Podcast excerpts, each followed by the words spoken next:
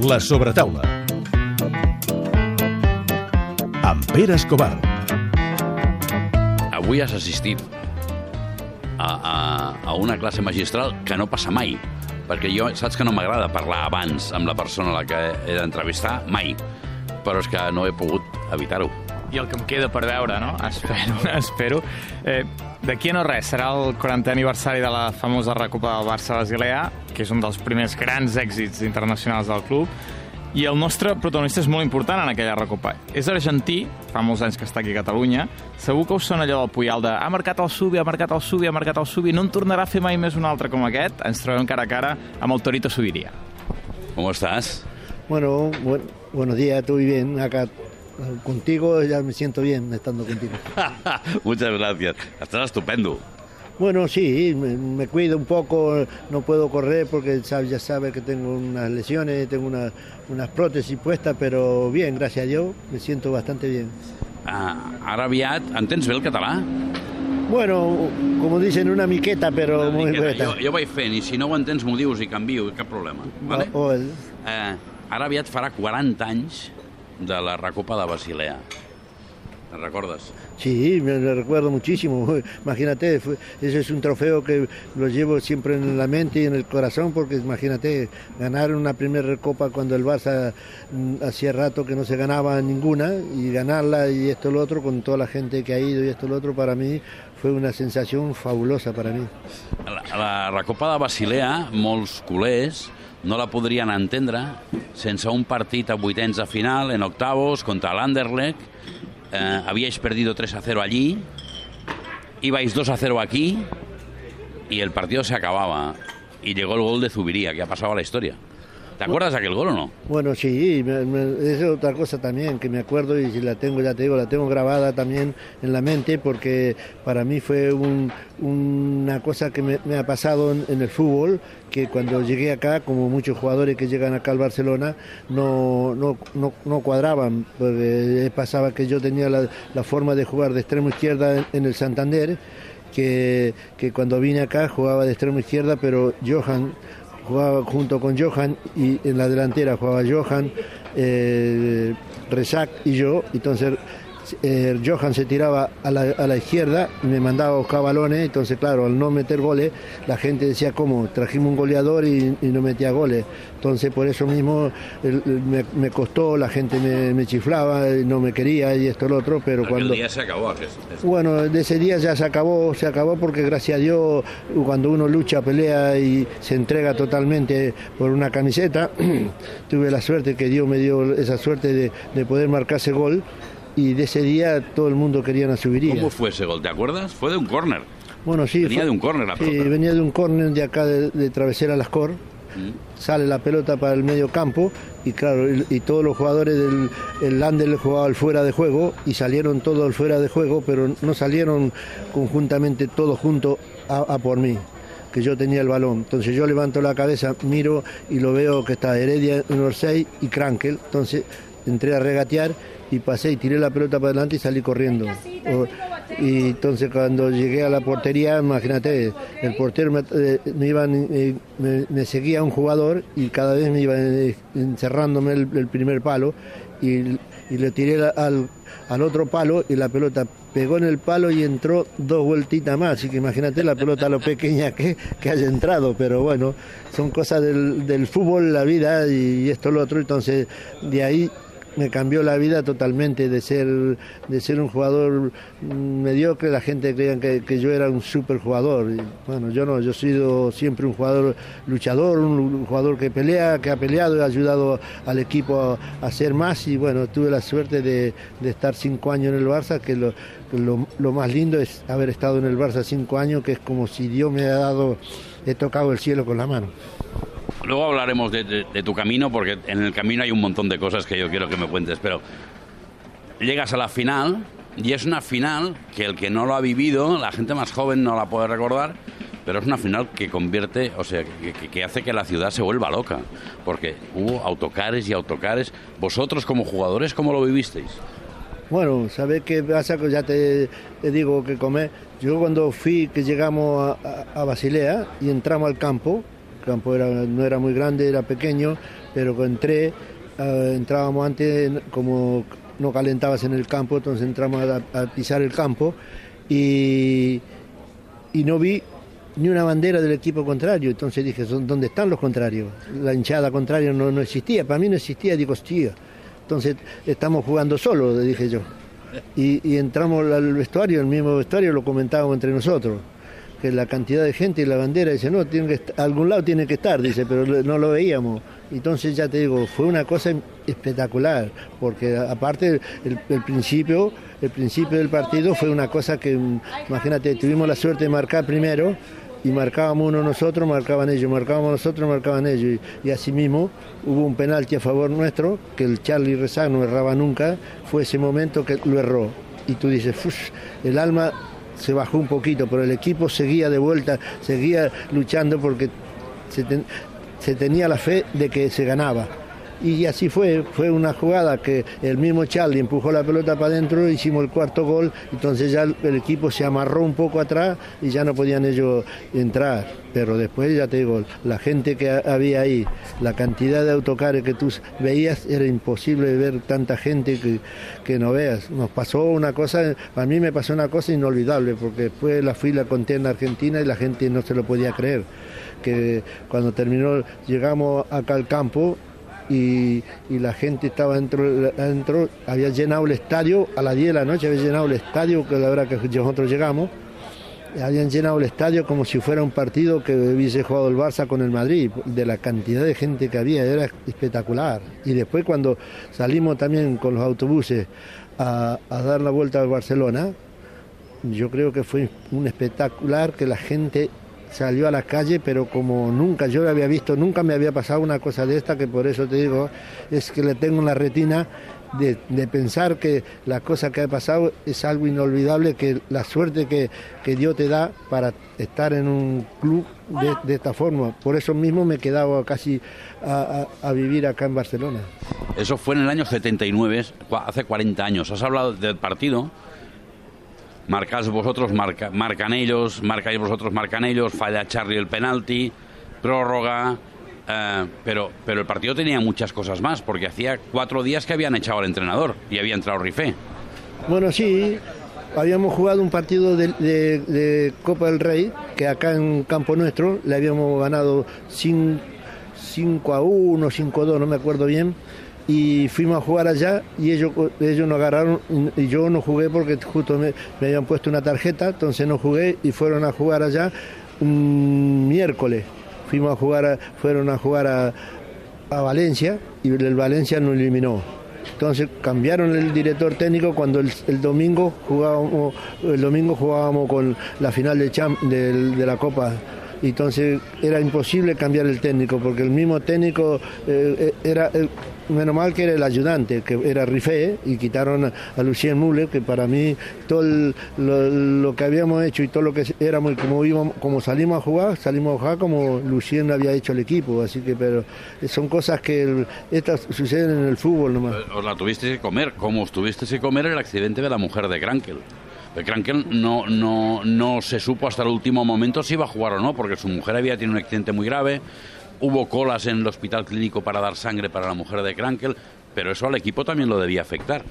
Bueno, sí, ¿sabe qué pasa? Que eso son cosas que afectan mucho al equipo, porque eh, si yo te puedo contar también de lo mismo cuando eh, eh, rataron a, a, a Kini, pasó lo, pasó lo mismo, el equipo pegó un bajón abajo cuando no hacía falta que el equipo bajara, pero el equipo bajó porque la misma ansiedad de que te falta, te falta una pieza del ajedrez que está jugando, entonces al faltarte esa pieza el equipo se viene abajo de tal forma que no, no, no se podía superar. Y con Krankel pasó lo mismo con la mujer, pero la suerte que tuvimos que, que tanta gente fue a dar sangre y esto, lo otro, que él, mismo dijo yo voy a jugar porque eh, el agradecimiento a este club. Entonces fue la suerte que vino y pudimos solucionar el partido y todo eso con él mismo, porque Krankel era un gran jugador, un jugador espectacular.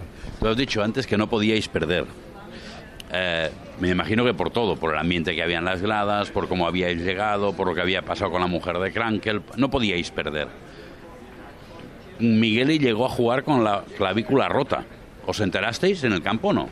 Bueno, en el campo no nos enteramos de que él tenía la clavícula porque él jugó, él, en una jugada él se cae y se, golpea acá la clavícula y se rompe la clavícula y él, claro, dolorido como estaba, salió un, un segundo afuera, no, no sé lo que hizo el doctor, que lo, lo, entró de vuelta y claro, y al entrar él de vuelta ahí en el campo, imagínate, no sabíamos nada de lo que había pasado, pero con el equipo como estaba tan enchufado y esto lo otro, era, era impresionante porque fue una, fue una cosa que ya te digo, que no, no, se podía perder por la misma ansiedad de que necesitábamos ganar, porque como habíamos perdido la Copa del Rey, teníamos que ganarla sí o sí. Era una cosa que para colmo nunca se había ganado una cosa de esta, para como la gente que había venido, el, era la, comer, creo que entraba Tarradella al, al, al, acá al gobierno de, de Barcelona y esto lo otro, entonces ¿sabe qué? Era, mira, yo he visto cuando íbamos en el autocar que la gente gritaba, hablaba, nos saludaba y esto lo otro, gente del español misma estaba con nosotros saludándonos y esto lo otro, que yo lo he visto, que son, eran amigos míos, y digo, ¿cómo puede ser que la gente se había volcado toda la calle? Era algo extraordinario, ya te digo, cuando lo contaba en la Argentina, la gente no lo podía creer, se lo tenía en una mesa redonda que sabe que era espectacular la gente como escuchaba lo que yo le contaba, lo que era este país con el fútbol, era extraordinario. Fue un partido duro, eh, porque hasta, hasta Costas pegaba, y mira que Costas no pegaba ni sellos. Bueno, sí, fue un partido duro, porque ¿sabe qué pasa? Que era un partido que ellos también, ellos al, al Claudio, al, Claudio Alos no lo podíamos parar, ¿sabe qué? Entonces el, el, tío parecía que estaba inspirado y no se podía frenar, y ellos eran, aquella forma de jugar en aquella época, los equipos alemanes, ingleses, todo eso, eran tenían mejor fútbol que, el nuestro porque eran más rápidos que nosotros, tenían otra forma de jugar y nosotros teníamos que contrarrestar eso y para contrarrestarlo en la velocidad de ellos teníamos que jugar fuerte porque si no jugábamos fuerte era imposible pararlo. Yo recuerdo que Costas me contó, ah, no hace mucho estuvimos hablando con él y me contó, Miguel me decía, tú lo tocas y yo lo remato. Sí, bueno, Miguel tenía esa costumbre, porque yo, porque Miguel también cuando yo empecé a jugar, que me pusieron de lateral derecho, eh, me pasó un caso porque fui y le digo, mira Miguel, el come, el, íbamos a jugar con el Hércules y le dije, mira Miguel, y cuídame la espalda, le digo, porque eh, estaba un, jugador, un grandote que tenía de extremo izquierda el, el Hércules, que era Covilla, algo así, un nombre raro, y le dije, mira, que este va a pasar por encima mío, que no lo voy a poder frenar. Y me dice, tú tranquilo, que déjalo, que tú, dice, tócalo, que yo acá atrás lo termino, me decía. Entonces, yo en una que le pegué, le pegué fuerte y cayó el tío al suelo, me dice, nene, y para mí no me dejas nada, me dice. Así que imagínate lo que era Miguel. Miguel era de la forma de ser, era muy alegre, jugaba con, con alegría dentro del campo, era, era un jugador espectacular. Tú tenías fama de duro, pero tú viniste a, a, a, al fútbol español como extremo. Sí, sí, yo vine como extremo. Yo, ya digo, en la Argentina no, se jugaba como se jugaba acá fuerte y esta es la forma. Y a mí me pasó que cuando vine, el primer partido yo en Santander no lo jugué porque dije, como las vallas son pequeñitas acá y la gente no salta dentro del campo. Y me dijeron, no, no, acá no somos indios, dice. Eh, acá la gente no salta al campo. Y le digo, pero a ver, explíqueme, digo, si salta la gente, salta al campo, ¿quién para toda esa gente que hay acá, que hay 25 mil espectadores? Me dice, los perros. Dos perros que hay en el campo, le digo, en las puntas del campo, van a parar 25 mil espectadores. Le digo, no, entonces el primer partido no lo jugué. Y el segundo me tocó con la Real Sociedad, que me tocó ya, te, me, me pasó que jugaba Gorriti de lateral derecho, y me, me, pegó hasta en el carnet de identidad y dije, no, acá hay que cambiar la forma de jugar y hay que jugar más fuerte. Entonces por eso mismo cambié yo la forma de jugar. Pero yo no he lesionado nunca, gracias a Dios, tuve la suerte de no lesionar de gravedad a nadie, de decir, oye, le quebré una pierna o, o una clavícula una cosa así, yo no, a ninguno. Yo lo que pasa es que era un jugador aparatoso y en cambio a mí me quebraron la mandíbula y un codazo me pusieron en, una pierna, me, clavaron los, tacos y yo nunca dije nada, estuve siempre ahí jugando y, y esto y lo otro, pero claro, toda la gente dice, uff, Shubi, todo lado donde voy me dicen, tú eras duro. Le digo, aparte de ser duro, le digo, sí, sí, yo no le digo que no era duro. Porque, ¿sabe qué? A veces yo iba a jugar como jugaba en el Santander. En Santander jugabas y jugabas tan duro tanto como acá y, y, y cobrabas por un partido 40 mil pesetas. Y acá venías y te decían, si hoy ganás, tenés 300 mil. Imagínate, yo en ese momento no dejaba pasar ni una mosca para atrás. No un jugador, ni una mosca pasaba para atrás. Por el- ese dinero yo vivía un año entero casi. El toro Zubiría. ¿De dónde sale esto del toro? Bueno, el Toro Subiría sale de, de Argentina porque yo era un jugador que el espíritu mío e- era de pelear, luchar, y claro, cuando jugaba ju- hacíamos un rondo en el campo en Argentina, hacían un rondo y claro, me tiraban un caño y, yo me revolvía y volvía por la pelota para un lado y para el otro y para allá, entonces me dijeron, ole toro, empezaban a decirme, y ahí quedó el, el toro subiría. ¿Qué te gustaría recuperar si pudieras? ¿Qué momento? Bueno, yo en, en el, en el fútbol lo que me gustaría recuperar es, mm, no, no sé, eh, quisiera recuperar, tener menos edad para poder estar jugando de vuelta. Jugar, ¿eh? Sí, es lo más grande, porque imagínate, eh, la vez pasada me hicieron una entrevista y estuve en el campo, mm, también por el gol, y estuve pisando el campo, todo el medio campo y todo el campo entero, y te lo juro que se me ponía la piel de gallina con solo, con solo pensar que digo, sí, estar acá adentro tiene que ser grandioso. Tú has estado acá dentro, pájaro. Sí, pero... Yo no. Sí, pero con, con el campo así como está ahora el campo, que el césped es, un- es una locura como está ese campo. Está una cosa que pff, es algo impresionante. Claro, el problema de, de muchos jugadores es venir y estar acá y encontrarse con 100.000 espectadores, que eso es lo muy difícil, lo más difícil del jugador es eso, porque tú imagínate, sales ahí adentro y miras para arriba y hace cuenta que estás en una plaza de toro que te, que te van a comer vivo si no haces las cosas como tienes que hacer. Y eso es el problema más grande que tienen todos los jugadores, que la camiseta pesa muchísimo.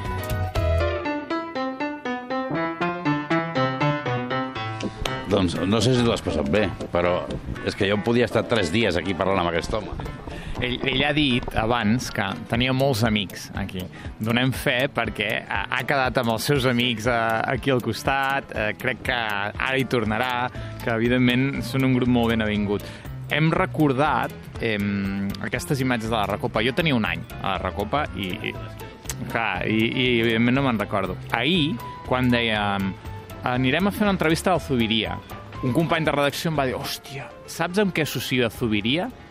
amb alegria. És el primer record alegre com a aficionat del Barça que jo tinc, perquè em deia el Barça és un equip perdedor, era un equip perdedor, i recordo aquell gol de Zubiria de dir, ostres, aquí vam començar a, a creure'ns que guanyàvem i que érem mm, alguna cosa. Tu has dit, fins i tot, aficionats de l'Espanyol us saludaven en, en, en aquella rua quan veu guanyar aquesta recopa. Em, ens ha agradat molt fer un record que no tenim normalment per equips tan mítics com aquest i celebrar el 40è aniversari d'una recopa que segurament és el primer èxit internacional del Barça. El primer èxit internacional, indiscutiblement, amb tota la gent que va marxar... Que... Bueno, para mí, mira, yo como tú decías, como ser, yo cuando voy al entrenamiento, todos los jugadores, todos los que entran, todos vienen a, a saludarme. El que no me saluda, le digo, eh, ¿por qué no me saludas?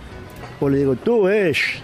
cualquier nombre le digo, cosas raras le digo, me dice, digo, ¿por qué no me vienes a por qué no me saludas? No, sí, y todo me dicen crack, maestro, esto, el otro, y me saludan todos, porque sabe que yo con ellos igual, en el campo cuando jugaba, yo entro al vestuario, era como con lo feo que soy, era, era, era el monito de adentro, porque hacía alegría con todo, le ponía alegría. Y adentro del campo, yo me cagaba en su puta madre del jugador que no corría no peleara dentro del campo. Entonces, ¿sabe qué? Eso le ayudaba a tirar del, del carro, a, querer pelear y jugar más y luchar.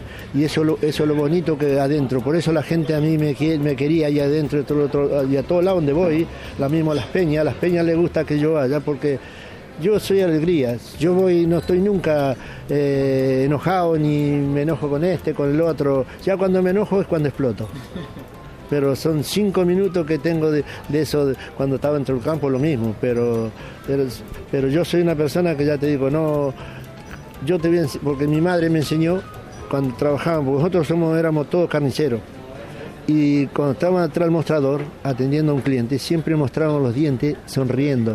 Entonces aprendí a que siempre tú me vas a fijar en todas las fotos que estoy, nunca estoy con cara enojada. Estoy siempre sonriendo, mostrando los dientes, porque así tiene que ser, para que la gente vea que uno no, nunca está triste. Y eso es, es signo de alegría para toda la gente que tú estás y lo llenas con, la, con esa alegría. Oye, Toro, muchas gracias. No tiene por qué. Gracias a ustedes por haber hecho una entrevista. Gracias.